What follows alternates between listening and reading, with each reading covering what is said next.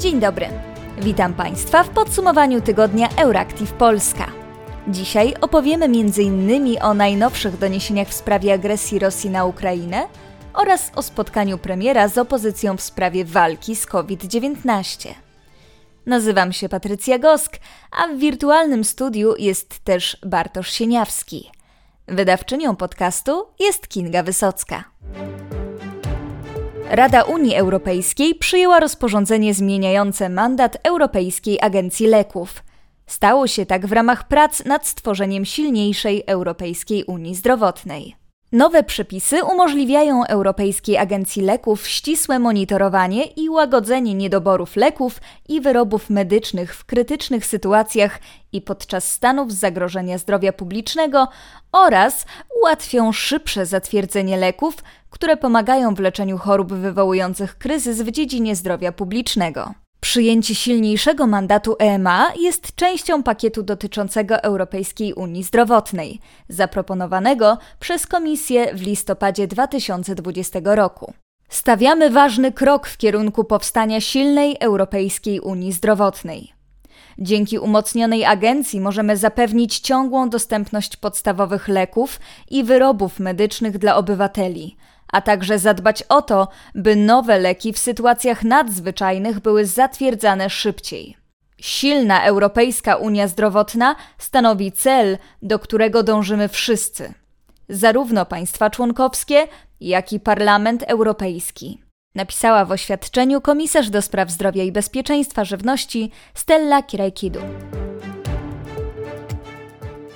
Nord Stream 2 AG, spółka odpowiedzialna za gazociąg Nord Stream 2, ogłosiła, że powołała spółkę córkę w Niemczech, która ma zostać operatorem magistrali. To spełnienie oczekiwań niemieckiego regulatora Bundesnetzagentur, aby dostosować ją do przepisów unijnych i móc rozpocząć dostawy. Nowa spółka nazywa się Gas for Europe GmbH Zostanie ona właścicielem oraz operatorem 54-kilometrowego odcinka Nord Stream 2 na wodach terytorialnych Niemiec oraz w części lądowej w Lubminie. Rosjanie chcą, aby została uznana za niezależnego operatora w zgodzie z przepisami unijnymi. Mierząca ponad 1,2 tysiąca kilometra druga nitka bałtyckiego gazociągu od miesięcy jest technicznie ukończona.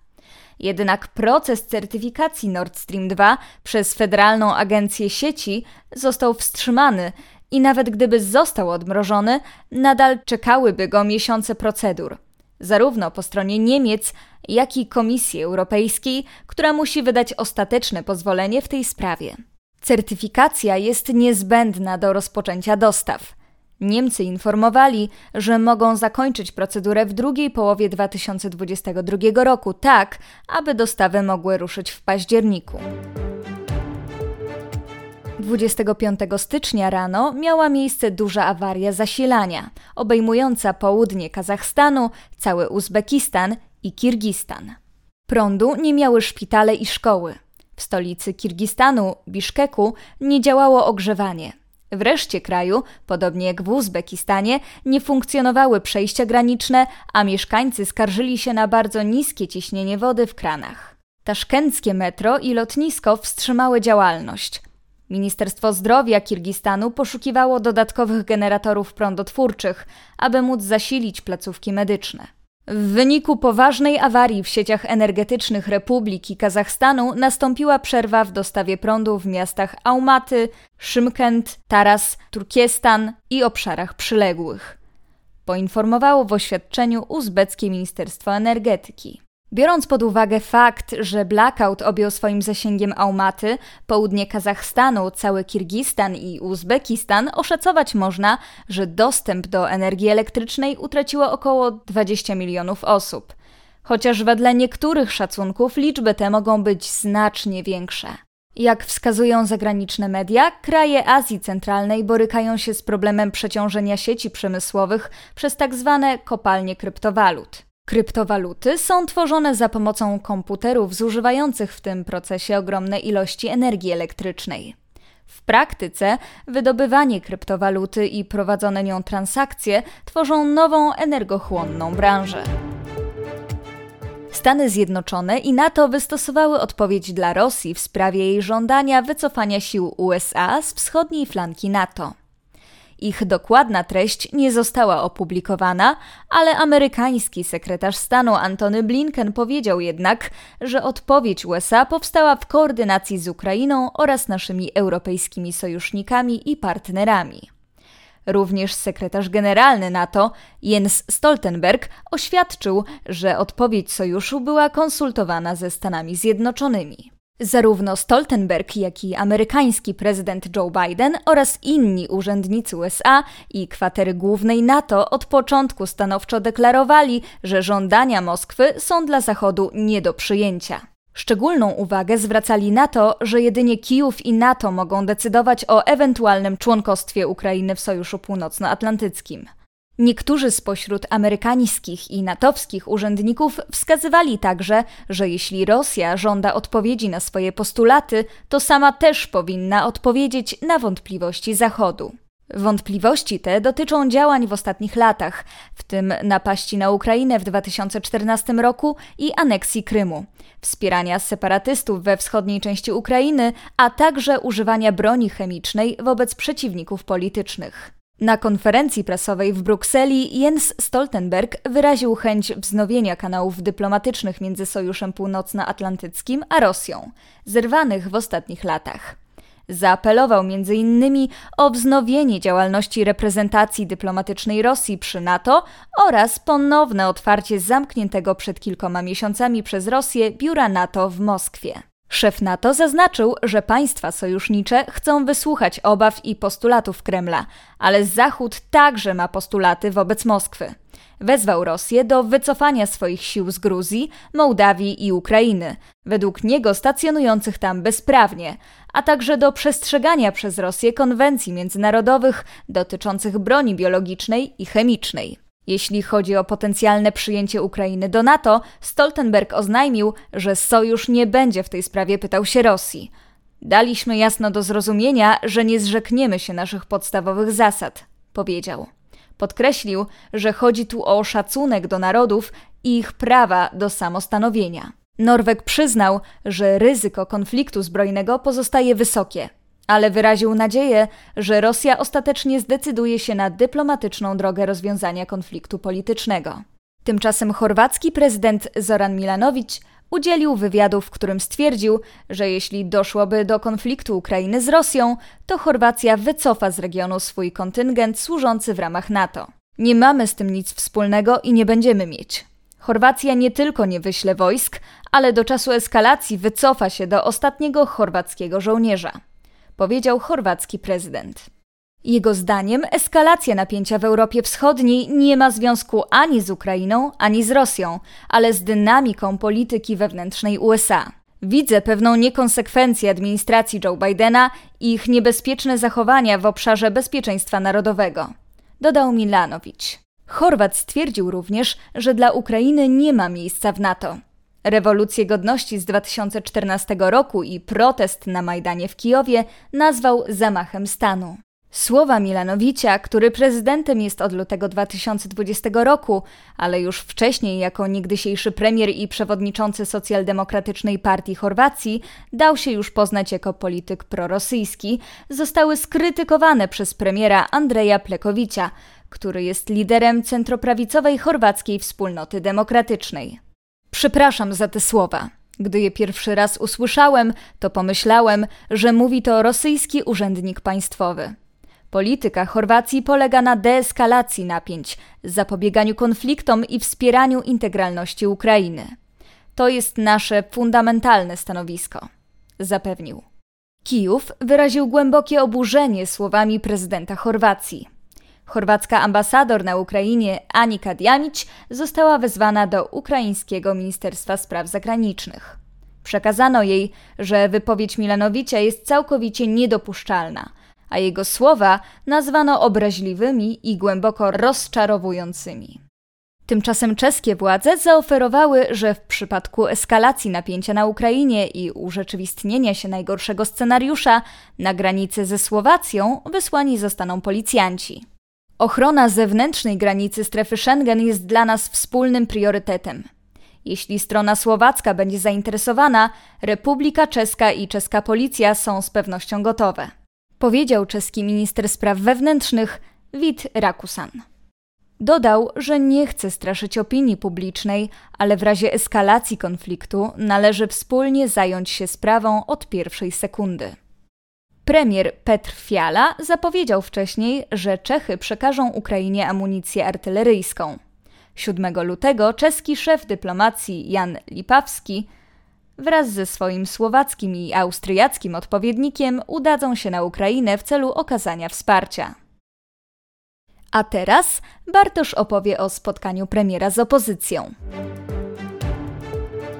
Premier Mateusz Morawiecki skierował zaproszenie do przewodniczących klubów, kół parlamentarnych oraz szefów partii politycznych na wspólne spotkanie dotyczące dalszej walki z pandemią COVID-19. Napisał w niedzielę 16 stycznia na Twitterze rzecznik rządu Piotr Miller, informując, że spotkanie odbędzie się we wtorek w kancelarii prezesa Rady Ministrów. Zgodnie z zapowiedzią spotkanie rządu z przedstawicielami opozycji odbyło się 25 stycznia. Potrzeba ukucia wspólnego planu rzeczywiście może wydawać się wielka. Gwałtownie wzrosły zakażenia koronawirusem w Polsce, co ma związek z obecnością w naszym kraju hiperzakaźnego wariantu koronawirusa, jakim jest Omikron. Lekarze na szczęście uspokajają, że Omikron, choć wysoce zaraźliwy, jest mniej śmiertelny, a także nie wykazuje odporności na dotychczas opracowane szczepionki. W mijającym tygodniu kolejne dni przynosiły kolejne rekordy liczby dziennych zakażeń od początku pandemii. W czwartek 27 stycznia zanotowano ponad 57,5 tysiąca nowych zakażeń COVID-19. Eksperci mówią już o piątej fali tej choroby. W spotkaniu z premierem udział wzięli reprezentanci wszystkich frakcji parlamentarnych. Na spebraniu pojawili się także prezes PiS Jarosław Kaczyński oraz minister zdrowia Adam Niedzielski. Pomimo determinacji i obecności wszystkich ugrupowań opozycyjnych, niewiele konkretów udało się ustalić. Całość przypominała równie bezowocne listopadowe spotkanie z marszałkinią Sejmu Elżbietą Witek. Tymczasem w Polsce na COVID-19 zmarło już 100 tysięcy osób. Wśród omówionych na spotkaniu konkretów był m.in. plan skrócenia kwarantanny osób po kontakcie z nosicielem COVID-19 do 7 dni lub do uzyskania negatywnego wyniku na obecność koronawirusa. Jak zapewniają władze, warianty Delta i Omikron są zbudowane w taki sposób, że jest bardzo mała szansa zarażenia kogoś nimi po 7 dniach chorowania. Tym samym okres izolacji został skrócony z 10 dni do tygodnia. Inną istotną sprawą bieżącą dotyczącą kwestii sanitarnych jest tzw. Tak Lex Hoc proponowane przez rząd, nazwane imieniem lekarza i posła PiS Czesława Hoca. Przepis umożliwiałby pracodawcom weryfikację zaszczepienia wśród swoich pracowników.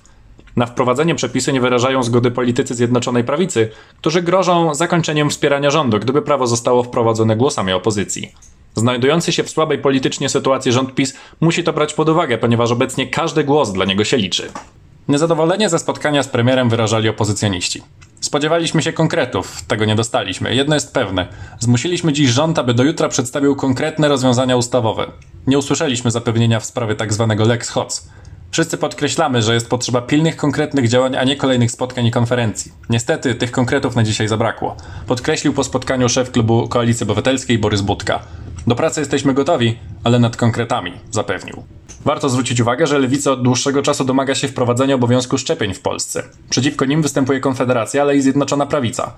Jacek Sasin poinformował, że obecnie obowiązek szczepień nie jest możliwy do wprowadzenia. Podobne zdanie wyraził Jarosław Kaczyński, który stwierdził, że może i sam popiera szczepienia, ale nie chce do niczego zmuszać Polaków. Zjednoczona prawica zdaje się tracić kontrolę nad swoją antyszczepionkową frakcją, która coraz śmielej wyraża niepotwierdzone naukowo teorie z mównicy sejmowej. W czasie posiedzenia Sejmu 25 stycznia posłanka Maria Kurowska podważała zasadność szczepień.